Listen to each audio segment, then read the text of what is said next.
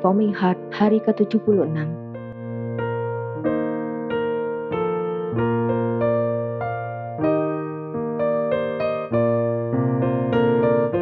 Renungan ini diambil dari website pemuda.stemi.id.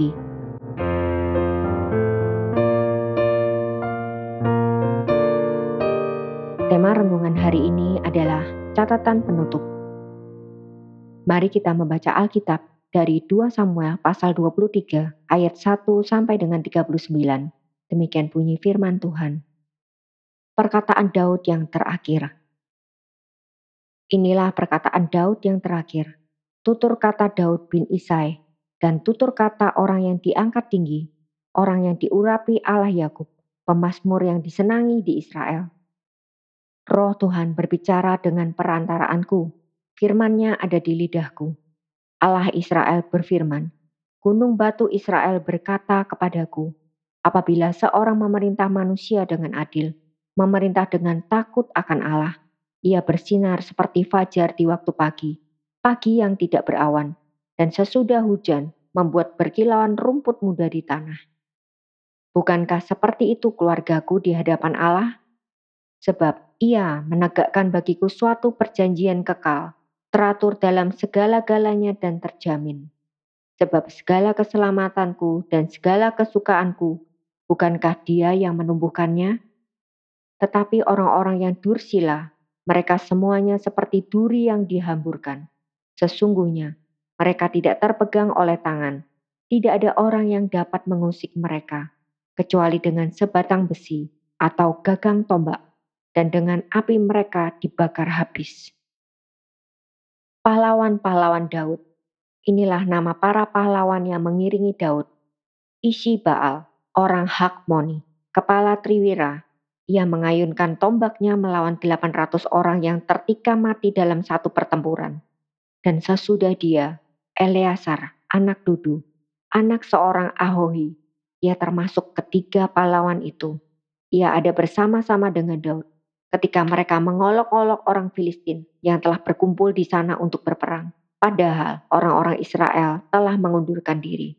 Tetapi ia bangkit dan membunuh demikian banyak orang Filistin sampai tangannya lesu dan tinggal melekat pada pedangnya. Tuhan memberikan pada hari itu kemenangan yang besar. Rakyat datang kembali mengikuti dia hanya untuk merampas. Sesudah dia, sama anak Age, orang Harari, ketika orang Filistin berkumpul di Lehi. Di sana ada sebidang tanah ladang penuh kacang merah, dan tentara telah melarikan diri dari hadapan orang Filistin. Maka berdirilah ia di tengah-tengah ladang itu. Ia dapat mempertahankannya dan memukul kalah orang Filistin. Demikian diberikan Tuhan kemenangan yang besar. Sekali datanglah tiga orang dari ketiga puluh kepala mendapatkan Daud menjelang musim menuai dekat gua Adulam sedang sepasukan orang Filistin berkemah di lembah Refaim. Pada waktu itu Daud ada di dalam kubu gunung, dan pasukan pendudukan orang Filistin pada waktu itu ada di Bethlehem. Lalu timbullah keinginan pada Daud, dan ia berkata, Sekiranya ada orang yang memberi aku minum air dari perigi Bethlehem yang ada di dekat pintu gerbang, Lalu ketika pahlawan itu menerobos perkemahan orang Filistin, mereka menimba air dari perigi Bethlehem yang ada di dekat pintu gerbang, mengangkatnya dan membawanya kepada Daud. Tetapi Daud tidak mau meminumnya, melainkan mempersembahkannya sebagai korban curahan kepada Tuhan. Katanya, Jauhlah daripadaku, ya Tuhan, untuk berbuat demikian. Bukankah ini darah orang-orang yang telah pergi dengan mempertaruhkan nyawanya? Dan tidak mau ia meminumnya. Itulah yang dilakukan ketiga pahlawan itu. Abisai, adik Yoab, anak Seruya, dialah kepala ketiga puluh orang itu, dan dialah yang mengayunkan tombaknya melawan tiga ratus orang yang mati di tikamnya. Ia mendapat nama di antara ketiga puluh orang itu. Bukankah ia yang paling dihormati di antara ketiga puluh orang itu? Memang ia menjadi pemimpin mereka, tetapi ia tidak dapat menyamai Triwira itu. Selanjutnya Benaya bin Yoyada, anak seorang yang gagah perkasa yang besar jasanya, yang berasal dari Kapseel. Ia menewaskan dua pahlawan besar dari Moab, Juga pernah ia turun ke dalam lubang dan membunuh seekor singa pada suatu hari bersalju.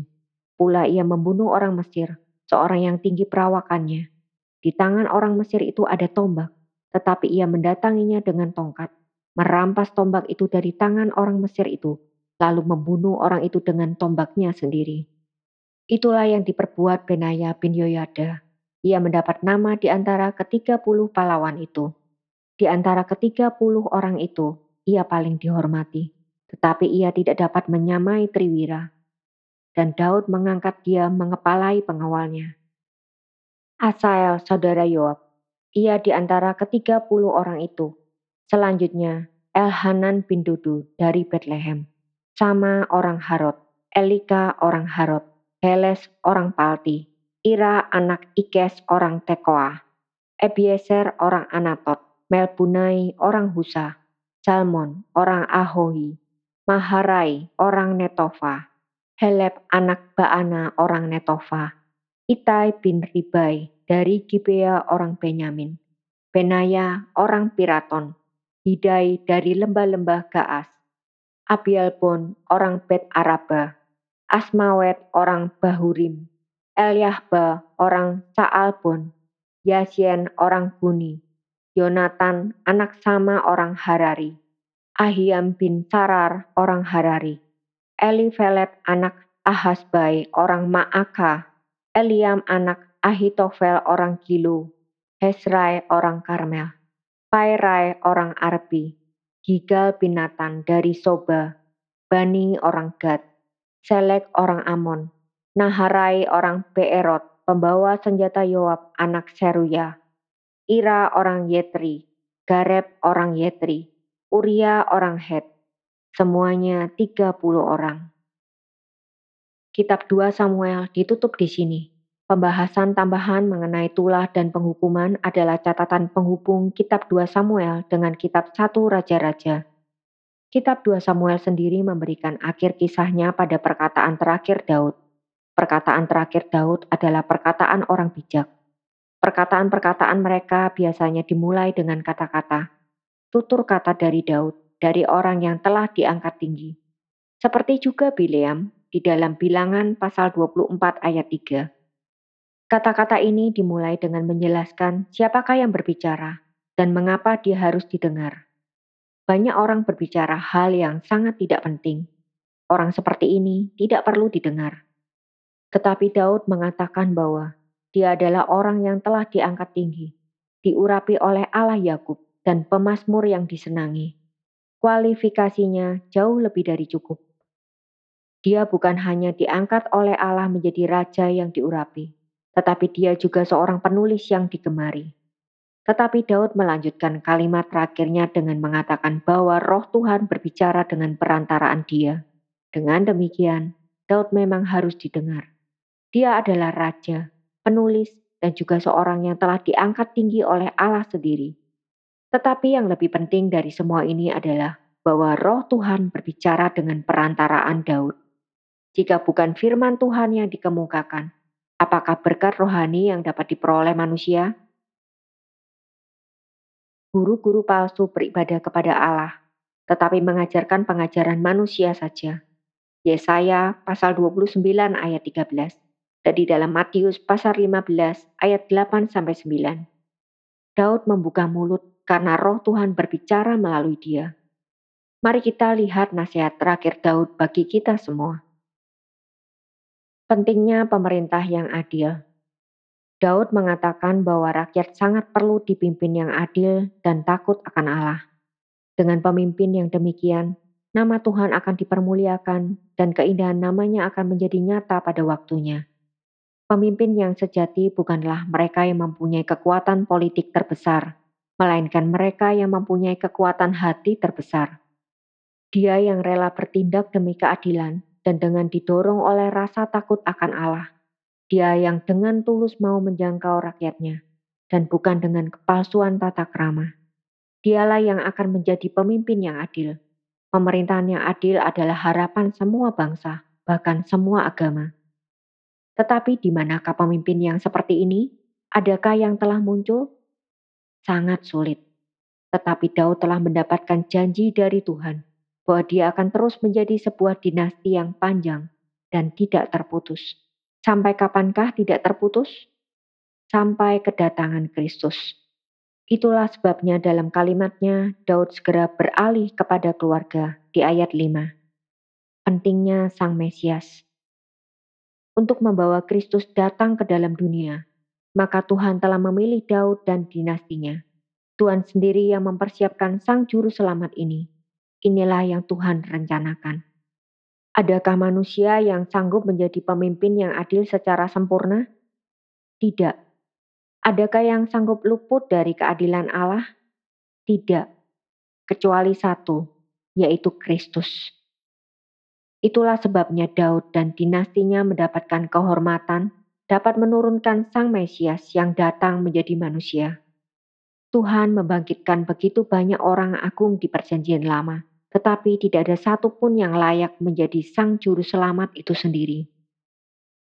Pentingnya penghakiman terakhir. Bagian terakhir Daud memberikan peringatan bahwa keluarganya lah yang telah dipilih Allah untuk kedatangan sang raja, yaitu anak Daud.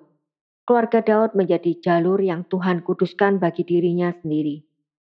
Berlawanan dengan keluarga Daud adalah orang-orang fasik tetapi orang fasik ini tidak akan dengan mudah ditaklukkan. Mereka seperti duri yang dihamburkan, sulit untuk dikumpulkan dengan tangan. Siapakah yang dapat mengusik orang fasik? Dia sangat pintar mencari uang, mempunyai cara kerja yang licik, dan mungkin juga punya kekuatan yang sangat besar. Bisakah Raja Daud menghancurkan orang fasik? Ya, dia bisa menghancurkan orang fasik atau raja fasik atau bangsa fasik sekalipun dengan pasukan tangguh yang dia miliki. Tetapi bisakah Raja Daud menghancurkan kefasikan? Tidak. Bahkan di dalam diri Daud pun masih tersisa kefasikan yang perlu ditaklukkan.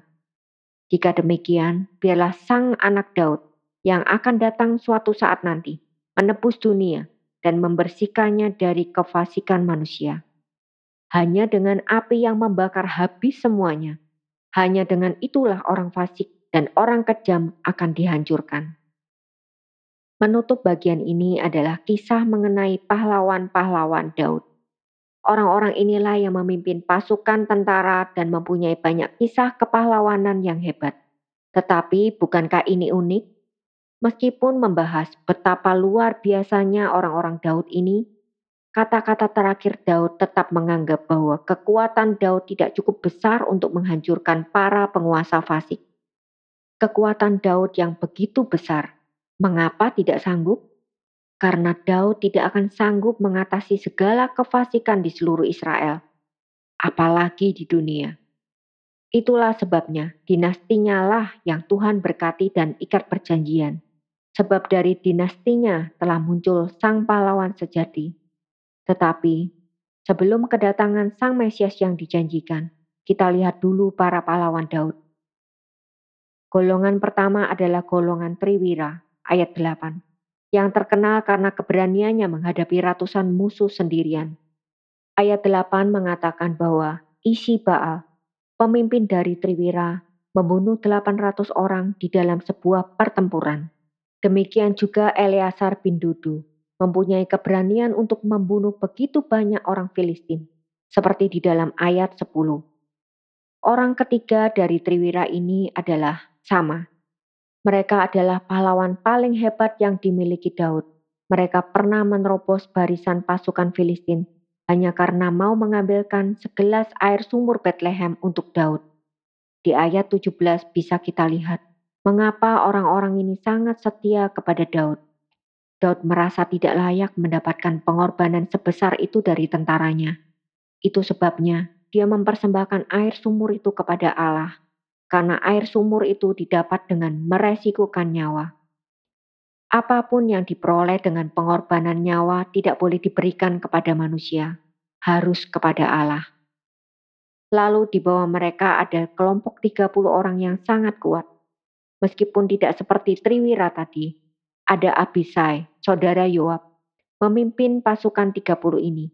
Kemudian Benaya bin Yoyada yang pernah membunuh seekor singa di sebuah lubang. Perhatikan orang-orang dalam ayat 24 dan 39. Keduanya adalah korban pembunuhan. Yang seorang yaitu Asael dibunuh oleh Abner dan seorang lagi adalah Uria yang dibunuh oleh Daud. Inilah catatan penutup kisah Raja Daud. Apa yang terpenting di dalam hidupnya dicatat di sini. Hal pertama adalah bahwa dia merupakan seorang pemimpin besar salah satu pemimpin terbaik di dalam sejarah. Tetapi Daud menjadi besar bukan karena kemampuan pengaturan atau strategi yang unggul. Alkitab memberikan penekanan kepada kehidupan Daud yang menjadi teladan. Dia menjadi teladan di dalam keberanian ketika dia menaklukkan Goliat. Dia menjadi teladan di dalam kerendahan hati dan kebergantungan kepada Tuhan, yaitu ketika dia berada di dalam pelarian. Dia juga menjadi teladan di dalam mengasihi dan membimbing anak buahnya, sehingga hampir semua mereka rela mati bagi dia. Dia juga menjadi teladan bagaimana bersikap rela menerima hukuman atas dosa.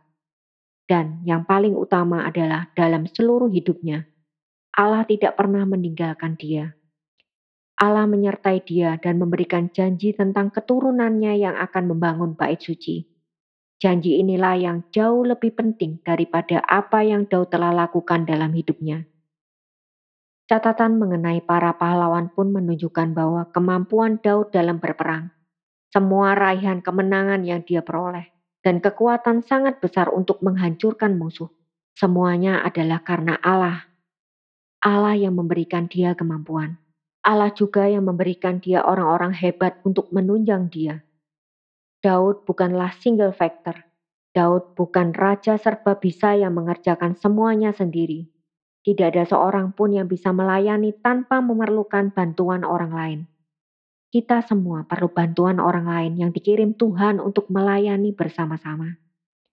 Pada akhirnya, kehidupan Daud menyatakan satu hal yang sangat penting, yaitu bahwa Tuhan menyertai Daud di dalam hidupnya, dan Tuhan menyertai Daud hingga pada keturunannya yang lahir kemudian.